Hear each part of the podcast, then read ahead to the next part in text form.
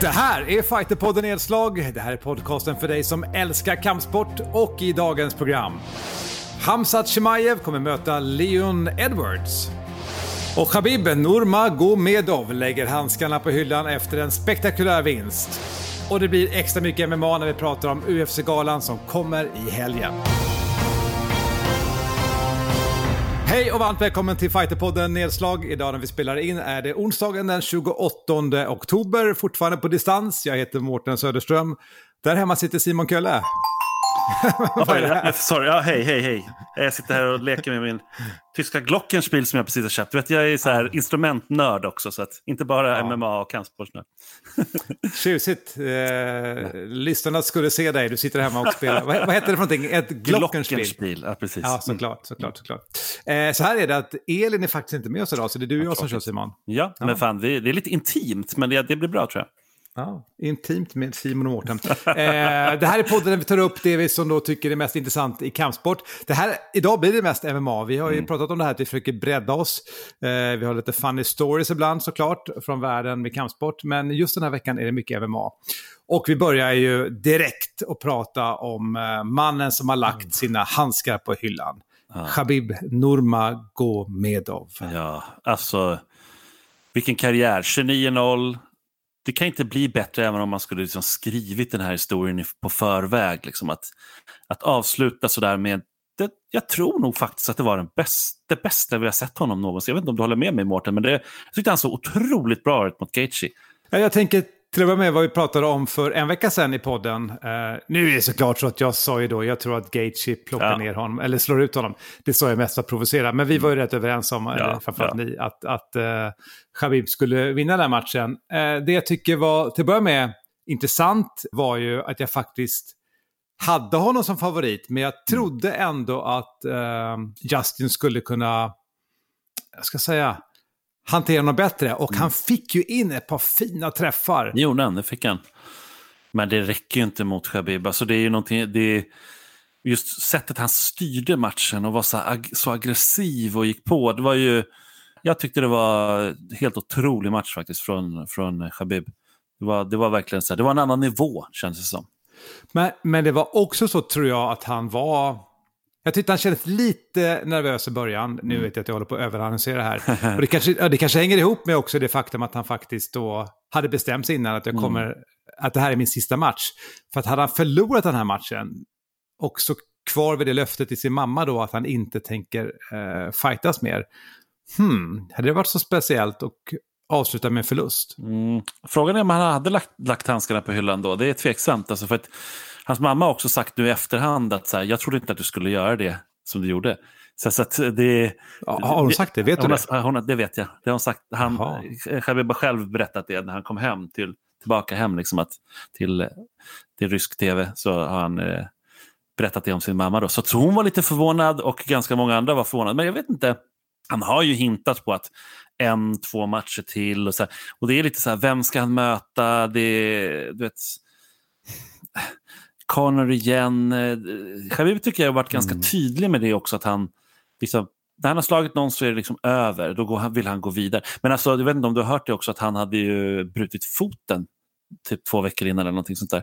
Så han hade ju liksom ett brott, benbrott i foten.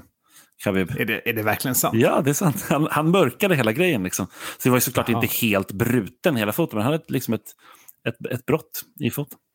Jag tycker i alla fall att det är tråkigt. Jag tycker mm. att han hade haft mycket mer att ge. Eh, hur många obesegrade matcher hade han i UFC? 19? Ja, någonting sånt där. Så det är... Ja. Alltså, ja. ja, då kan man säga så här. Det är klart att han egentligen är färdig. Eh, på ett sätt. Men, men eh, det blir alltid så här när en sån duktig fighter, framförallt obesegrad, inte är med längre. Mm. Så kommer ändå kommande fighter jämföras med. Undrar hur det hade gått om Khabib var med nu. Så är det ju. Så är det ju alltid. Och det är vi vill ju ha mer, för vi vill ju se... Alltså, framförallt, vad, vad hade man kunnat tänka sig att han skulle möta? Den här, det här pratet med GSP. Den, liksom, mm. den matchen hade ju varit alltså en supermatch mellan GSP och, och Khabib. Det hade ju varit otroligt. Det hade inte kunnat vara nere på 155, alltså lättvikt, men på en catchweight. Det hade ju liksom varit det hade ju varit fantastiskt att få se den matchen. Verkligen. För samtidigt var ju den här matchen, alltså Justin är ändå i sin prime, måste Mm. man ju säga. Ja, ja, verkligen. Det, det här var ju matchen alla ville se.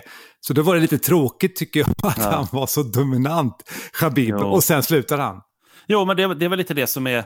Om man tittar, det, det, det är ju ingen annan som har gjort det i MMA. Jag menar Fedor, när han, alla fattade att han, eller Fjodor kanske man ska säga, eh, Emelianenko, han var ju på väg att liksom tackla av och la på sig lite extra vikt och så vidare, och så vidare när han eh, till slut förlorade och sådär. Så att vi har ju aldrig liksom sett någon vara så här dominant och bara liksom fortsätta. John Jones, har han har inte sett, även om han har fortfarande inte förlorat, han har ju en förlust men det var ju diskning. Och det, då är det så här, det är, han har ju ändå inte sett så jäkla bra ut, John Jones, de senaste två matcherna. Så att, men Khabib, han har bara sett bra ut hela tiden. Han- Han kom in förresten med 15-0 i UFC, jag kollade det lite nu lite snabbt medan vi pratade här. Så att 14 matcher har han vunnit i UFC. 14 matcher, Mm. ja. Men du, vad händer nu? Alltså, nu släpper han bältet. Mm.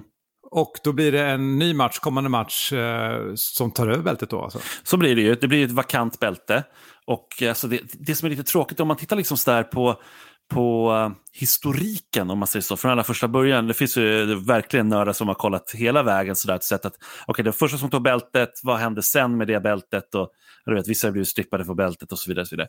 Och man vill se liksom, alltså, li, linjärt då, vem är liksom den riktiga champen om man säger så. Eh, det försvinner ju nu. nu blir, det blir, liksom, linjen blir ju bruten på något sätt. Det är samma sak som när GSP vann mellanviktsbältet där. När han hoppade av sen och bara nej, jag ska inte fightas. Men det kommer bli ett vakant bälte. Det konstiga är ju att Gaethje hade ju interimbältet. Så förlorade han, men det blir jättekonstigt. Men det, jag vet inte vilka som kommer gå den matchen, men eh, det borde vara Gaethje eller Tony Ferguson. Och Tony Ferguson kommer från förlust. Gaethje kommer från förlust. Ja, men det är svårt. Det, det är ett ganska svårt läge, men det, någon, någon vaskar de ju fram. Så är det ju. Ja, jag tycker att eh, vi får tacka Det Khabib får vi verkligen göra. Arigato.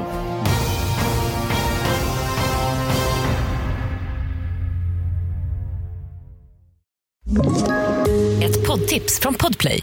I podden Något Kaiko garanterar östgötarna Brutti och jag, Davva, dig en stor dos skratt. Där följer jag pladask för köttätandet igen. Man är lite som en jävla vampyr. Man har fått lite blodsmak och då måste man ha mer. Udda spaningar, fängslande anekdoter och en och annan arg rant. Jag måste ha mitt kaffe på morgonen för annars är jag ingen trevlig människa. Då är du ingen trevlig människa, punkt. Något Kaiko, hör du på Podplay. Därför är Vi går vidare i Fighterpodden. Och håller oss kvar, tänker lite grann kring områdena kring Dagestan och där. Där det kommer ut så duktiga fighters. Och en heter ju Hamzat Chimaev, vår svenske favorit som går från klarhet till klarhet. Och nu hoppar han ju upp fina pinnhål i UFC, Simon. Ja, men eller hur. Alltså, en fantastisk match han kommer gå mot Leon Edwards. Och dessutom, jag, menar, jag tycker så här att vi får snacka om den här nivån av Alexander Gustafsson. Han mötte liksom de här topp fem. Det är, det är ju extremt få svenskar som har varit uppe på den nivån. Jag skulle säga att det egentligen är bara tre. Och det är ju nu Hamzat då, sen är det Jack, eller Jack eh, Hermansson och så är det ju såklart Alexander Gustafsson. Ilir har ju varit nära men inte riktigt där på den. Han har också varit högt rankad men inte riktigt så högt. Men det är ju ett jättekliv han tar. Alltså Leon Edwards är ju rankad trea. Han är rankad trea, det är helt otroligt. Så att, eh, det är topp fem liksom. Det, det, ja. Och Leon Edwards som ingen vill möta också. Det är det. Det är liksom, Daniel Cormier har ju pratat jättemycket om Leon Edwards. Liksom att my guy, typ, så att ingen, ingen vill möta honom. Det har varit svårt liksom, att få till. Men om man tittar så här stilistiskt på matchen så är det ju, Leon Edwards är ju en utpräglad striker. Så att eh, Khamzat har, alltså det känns ju som att Leon Edwards bör ha det bättre stående. Även om Khamzat slår förbannat hårt och är liksom skicklig så är Leon Edwards liksom troligen på en annan nivå stående. Men som MMA-fight, alltså jag vet inte. Det, det, Leon Edwards må ha tränat jättemycket på att möta amerikanska brottare men jag vet inte fan, en tjetjensk svensk brottare, det, det har han nog inte. Alltså, jag tror inte Leon Edwards kommer kunna stå emot faktiskt. Det är svårt. Ah, ah, ah, det, det är otroligt spännande verkligen och jag Ja. tycker det är en eh, bra matchning. Men det är ju någonting också med Hamzat, alltså, han har ju blivit Dana Whites favorit. Jag vet inte, vi i vår fej- vi har lite sån här eh, grupp ju på Messenger. Jag drog den här bilden när jag zoomade in på skärmen. där sitter liksom Hamzat bredvid Dana White vid något bord där liksom och de är ju buddies. Ja, buddies och buddies. Men jag, jag, jag förstår vad du menar. Men det, Ja, ser ja. ut som det och det är klart att han är just nu någon form av, liksom, missförstå mig rätt, men ett gullebarn lite grann just nu för UFC. Han, han är ju någonstans så här det här urtypiska som Dana White älskar. En rå tuffing som aldrig backar och alltid vill gå match och som inte blandar in sina eh, managers jättemycket och inte håller på med något spel. Det är hela tiden så här, ah, bara, jag, jag går båda viktklasserna, jag kommer spöa alla, kom igen då. och, så, och det jag på något sätt gillar Dana White, det, det, är så här, det är ju alla som på något sätt är, känns som att de är på riktigt, men är larger than life. Att kunna den kombinationen, det är samma som Conor McGregor, han är verkligen larger than life, men det. är ändå på riktigt. Alltså, man får känslan av att det. han är liksom verklig. Då blir, då blir man ju så här, okej, okay, då blir det fiktion möter verklighet. Jag brukar ofta prata om det är så här som att, som att eh, vi följer, diskuterar tidning, vad heter serietidningsfigurer, Hulken mot Spiderman och sånt. Och det här, det är lite så, det är, så här, det är ju, vem fan är som Hamzat Chimaev? Jag, eh, jag tänker mer kanske också på att den här påläggskalvspositionen mm. han får.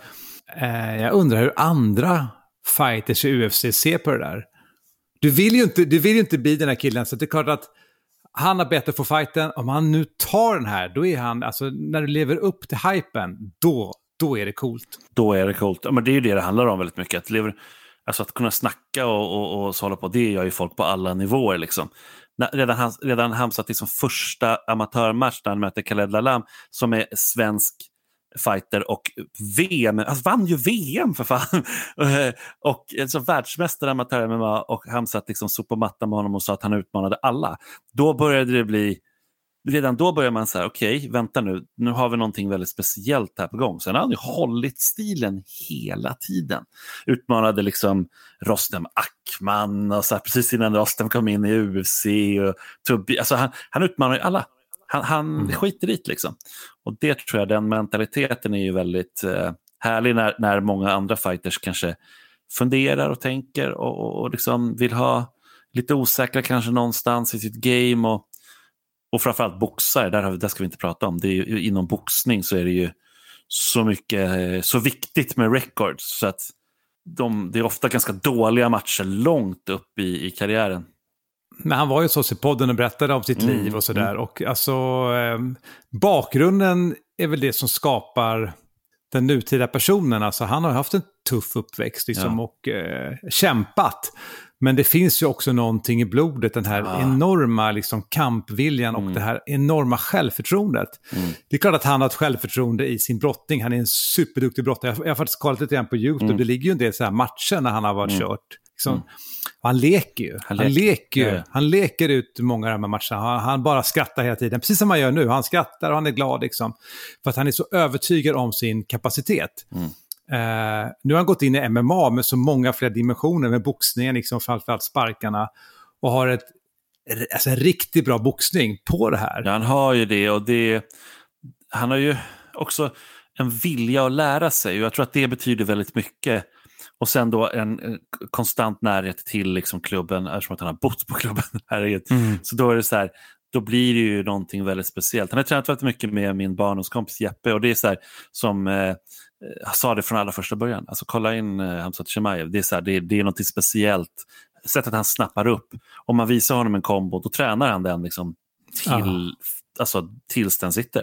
Och det, det, jag tycker det, jag har hört det där inom fotboll och allting också. Många som blir väldigt duktiga att så där, du vet, stanna kvar efter träningen och träna frisparken en halvtimme, timme eller gå ner på helger och kör. Och det, är så här, mm. det är ofta de som gör lite mer men fortfarande ändå inte blir övertränade.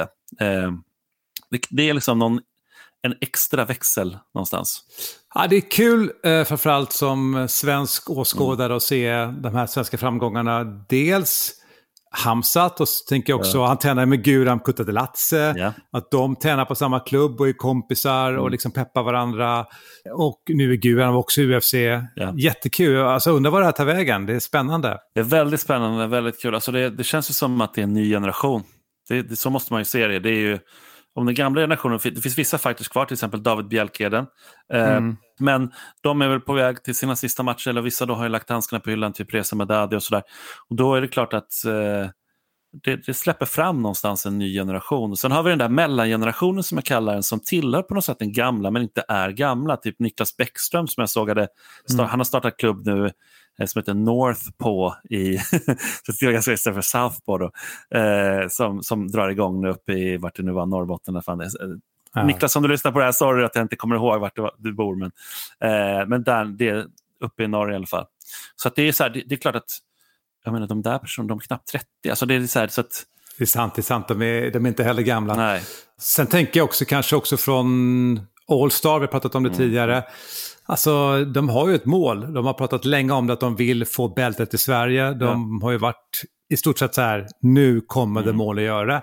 Han tog inte bältet, under honom har vi Iler och så vidare. Mm. Mm. Och så kommer det här gänget, en annan viktklass. Ja. Eh, alltså, har man en stark målbild, och det har ju hela teamet på All-Star, så mm. kommer de att få bältet. Och frågan är bara i vilken viktklass. Så är det ju. Förr eller senare så tror jag att det kommer komma till Sverige. Och det känns som att de är närmast i alla fall på att få det från Sverige. Men, men det är klart, det, det, det, för att avsluta hela grejen måste jag ändå nämna någon annan som har en annan stil men som är väldigt duktig. Om jag tänker på Amir Albasi som flyger, mm. han har ju gått en match i UFC, vann på triangel, eh, som vi pratade om i somras. Så han är ju lite så här, flyger kanske under radarn och så, men för han är inte så kaxig. Han säger inte att han ska slå alla, utan han, han är liksom en kampsportare som vi tänker oss här urtypen av kampsportare. Att mm. det, det, är en idrott och det är väldigt så här, det är olika stil man kan göra. Hamzat är ju mer så här en showman på det sättet. Och att vara då showman och det känns som att det är på riktigt. Det, det är ju den som är, det, det är nyckeln. Ja. Det är häftigt. Lever upp till det. Nej, men, men han är ändå härlig. Alltså, Connor, ja. kan ju, Connor kan man ju störa sig på för att han har ju haft liksom, för mycket attityd hela tiden. Va? Ja, ja. Det har varit så tydligt att det är spel ändå. Men ja, det är det, samtidigt precis. så är han ju så spektakulär hela han så att det överbryggade till mainstream-kulturen. Det är ju någonstans, det är det det tror jag inte att Hamzat kommer göra. Till exempel. Hamzat kommer kunna bli en otrolig fighter, det är han redan idag, men, och, och förhoppningsvis champ, peppar peppar. Men jag tror inte att han är den typen som Nej. överbryggar och går liksom gör att... Eh, sådär, så det är ju... Ja. När, är Mats, när möter Hamzat eh, Leon Edwards? 19 december i Vegas. Ah. Så det är precis som en jul. Ja, det är verkligen en härlig julklapp. Liksom. Eh, men apropå julklapp, en tidig julklapp skulle det ju vara. Tobias Harrela skulle ju gå match här i Tyskland och möta en liksom helt obesegrad, riktigt, riktigt bra fighter, alltså Hussein Kademagamajev, som är vet du, en månad innan han ska gå i Superior Challenge. Oklart om han, det var, hur, hur det såg ut i avtalet och så vidare, men utan att ha koll på det så har det tyvärr blivit inställt. Så det är väldigt tråkigt för Tobias Harrela, men då är det ännu mer hype på Tobias Harrela mot Adam Westlund. Ja. Ja, det blir skitkul. Rosten Mackman kommer ju gå på den galan, här, den här tyska galan som Tobias skulle gå på, Elite MMA Championship som det heter, i Düsseldorf och uh, möta en riktigt grym fighter. Kul att se Rosten tillbaka efter det blev ju inte så jäkla bra i UFC. Det liksom funkade inte riktigt. Han mötte en svår teknisk fighter mm. sist. Då, som jag ska möta en som heter Karim Engizek som är 15-4. Så det är verkligen så här wow. och han har åtta raka segrar. Så det är, Oj. Ja, alltså, Rosten, vi pratade ju med Rosten efter mm. hans senaste matcher. Han har ju varit väldigt missnöjd med sina insatser, liksom i, eller senaste matchen framförallt. Alltså, att inte han, ja, han inte fick matchen dit han ville ha den. Han tycker inte själv att det han kan prestera liksom, har kommit ut i, i buren. Mm. Ja, vi hoppas, hoppas verkligen det går bra för Rosten, för jag tycker att han är så skön och, och, och bra ambassadör för sporten på många sätt. Vi går vidare i Fighterpodden. Det är ju mycket MMA idag. Mm. Simon, ska vi ta även galan i helgen? Ja, då blir det troligen sista gången vi får se, eller vem vet förresten, varför säger jag sådär? Men det kan vara sista gången Anderson Silva går match i alla fall. det har vi sagt ett par gånger. Han har ju ty äh, typ gått ut med det nu. Så jag ska möta Uriah Hall. Eh, 15 i record han. Alltså Anderson Silva 34-10 nu. Men det som är sorgligt är att Hans sex senaste matcher han förlorat, eller jag höll på att säga sex förlor, han förlorat sju. Hans sju senaste matcher så har han förlorat sex. Och det är, det är ju ganska sorgligt alltså med tanke på att mm. hans senaste vinst kom för tre år sedan. Alltså, Anderson Silva är ju, var ju så här pound for pound bäst. Nu har han ju bara försvunnit från den listan. Liksom. Ja, så det... det är som du säger, det, det, det, det blir något sorgligt över det. Och han vill ju hela tiden såklart visa... Innerst inne så känner väl han att han fortfarande har det och att mm. han... Eh, Alltså det är många aspekter här. Det är klart att det handlar om försörjning och Mm. liksom dra ut det sista av din karriär. Han är fortfarande ett namn. Ja. Och bara det faktum att vi pratar om honom just nu är ju, ja men det Ja. där blir en spännande match. Liksom. Samtidigt som att eh, han är ju inte alls på den nivån som han var. Nej, och det är synd. Och det är ju mycket så här, tycker det känns som att det sitter också i det liksom fysiska. Reaktionerna såklart har blivit lite långsammare, men det känns inte som att han tränar lika mycket. Jag tyckte här Israel Adesanya-matchen där var ganska ty- tydlig. Hans senaste match skadades så det går inte riktigt att döma ut honom. Men, men just så här att, du vet när han gjorde sina snurrsparkar och ramlade och sånt där. Så det, så, det, det gjorde inte Anderson Silva förut. Jag menar, kommer inte ihåg det, då var det så att man trodde det skulle komma en snurrspark och så kom det istället en snurrarmbåge och sådana där grejer. Han var ju spektakulär liksom. Han var ju Ja, fantastisk. men det han har gjort är ju precis, alltså varje steg Mm. i, i UFC har ju ofta kommit ifrån att det har kommit in fighters som har liksom lyft ribban. Och Ja. Jag skulle säga att Israel Adesanya hade inte varit den han är om inte Anderson Silva hade varit den han var när han eh, liksom var som störst i UFC. Det är ju så tydlig utveckling. Och jag menar, jag tror att jag vet inte om det är någon, någon bid, en stor del av det hela, men jag tror ändå att det är en, en del av det. Att, att så många ändå gillar det här, för man ser att det utvecklas. Man, man ser någonstans, man kan hänga på en fighter. Jag tror att det är ännu roligare till exempel som med Hamzat, om man har följt honom liksom i Sverige och sen i Brave och sådär. Men om man tänker då den vanliga UFC-fanset, de, är- de anser ju ändå att de var tidiga med att följa honom för de såg hans första på underkortet i, i Fight Island. eller På Fight Island liksom mm det blir ju att man följer sina fighters väg Ja. framåt. Och det, det är ju ganska unikt eh, för eh, just kampsport, skulle jag säga. Eh, För att eh, det är inte samma sak i tennis. Liksom. Alltså det, går inte, det går inte att säga så här, ja du kan absolut följa en, en tennisspelare, men de går så jävla många matcher, ja, men då förlorar de några. Och sen så, ja, men de har vunnit fler. Och, samma sak med det. fotbollslag, man kan följa det och det är såklart väldigt många som gör det, men det, det, det, är ingen liksom, att- det gör inte dig till speciellt unikt om, unik om du följer Göteborg, liksom så här, fotboll. Alltså det är så här, eh, för det är så jävla många andra som gör det, eller AIK eller Djurgården eller någonting. Det är så här, Ja. det, det, ja, men det är just den här känslan av, eftersom att folk sitter också hemma själva och tittar ofta, så där, eller med några, kompisar eller familj, så blir det liksom att man nästan har en relation till de här personerna. Ja, det är det. det, Jag tror, att det. det jag tror att det ligger mycket i det. Och vad säger vi om eh, övrigt den galan? Är det något mer på den galan? Ja, så ett co-main event som är ganska intressant. Bryce Mitchell, eh, han är ju obesegrad 13-0. Han har ju en eh, förlust i tuffhuset, eh, The Ultimate Fighter. Eh, som det är uppvisningsmatch, så det räknas inte till hans proffsrekord sådär. När, när han eh, blev utdragen av Brad Cotone var 2018 på Rear Naked Choke. Men i alla fall då, så Bryce han är 13-0 och möter Andre Feely i fjärde vikten och Andre är ju, eller Andre är ju så här 21-7 i rekord och eh, riktigt vass faktiskt. Så att det, det, det, den är kul, den är rolig. Jag, det är alltid något speciellt med de här obesegrade. Även om han då åkt på en förlust i huset så då har man inte sina riktiga coacher, man har inte förberett sig på samma sätt. Det går inte liksom riktigt att räkna med. Men det är någonting speciellt. Så det är väl, det är väl den liksom som, som sticker ut. Men jag tycker att galorna nu, det är så jävla kul att det är varje helg. Jag vet inte, det har blivit som Ja. en grej. Lite bortskämd nu, eller hur? Visst är man? Otroligt bortskämd. Och liksom så att det är jättekul att Superior Challenge kommer, kommer köra. Eh, och eh, för, tyvärr inte för någon publik då, då men, men det är ju, det hinner ju gå ett antal UFC-galor fram tills dess. Men hur, hur Ja. ser det ut, vet du det Mårten, hur ser det ut på amatörsidan då? Kommer det hålla skalan nu när covid har gått upp och sådana grejer? Eller kommer det, läggs de ner? Eller vad vet du om det? Ja, men bra fråga. Det skulle vara den här Frontier eh, Battle i helgen. Eh, och eh, det är ju restriktioner i södra Sverige, Skåne, så att den är inställd. Ah, tråkigt. Ah. Typiskt. Då får vi hoppas att Superior kan gå ändå. då. Det, det vore ju tråkigt om den blev inställd också. Vi Ja, behöver verkligen. mat. Nu skriker vi lite efter, man vill ju se svenskt liksom. Det är det. Ja, mycket MMA som sagt och nu är helgen då UFC.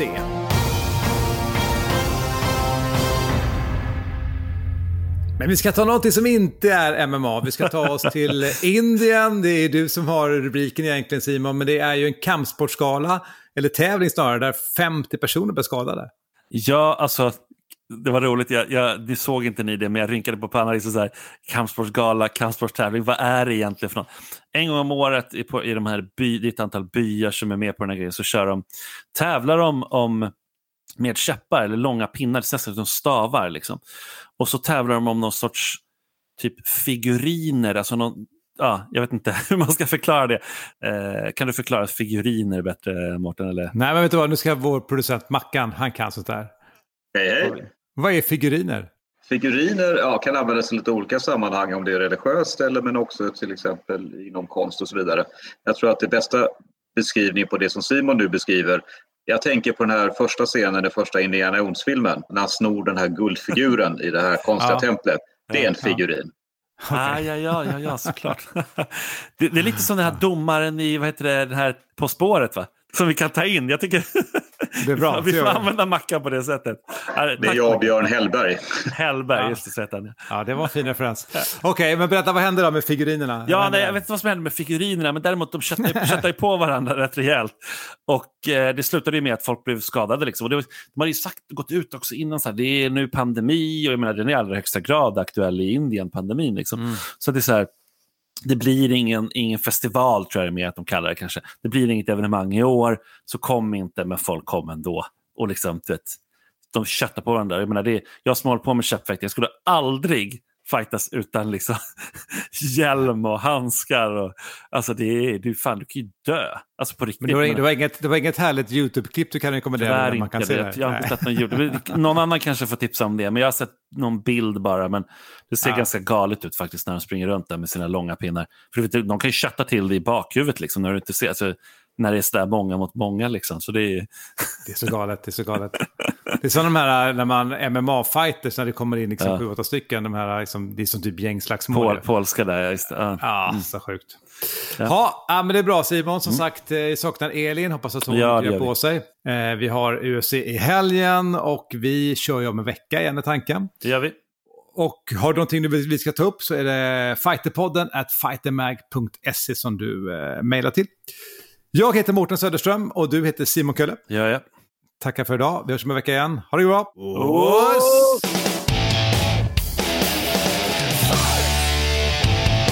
Fighterpodden produceras av Subamedia för Radio Play. Poddtips från Podplay. I podden Något Kaiko garanterar östgötarna Brutti och jag, Davva, dig en stor dos skratt. Där följer jag pladask för köttätandet igen. Man är lite som en jävla vampyr. Man har fått lite blodsmak och då måste man ha mer. Udda spaningar, fängslande anekdoter och en och annan arg rant. Jag måste ha mitt kaffe på morgonen för annars är jag ingen trevlig människa. Då är du ingen trevlig människa, punkt. Något Kaiko, hör du på Podplay. Därför är gardinerna.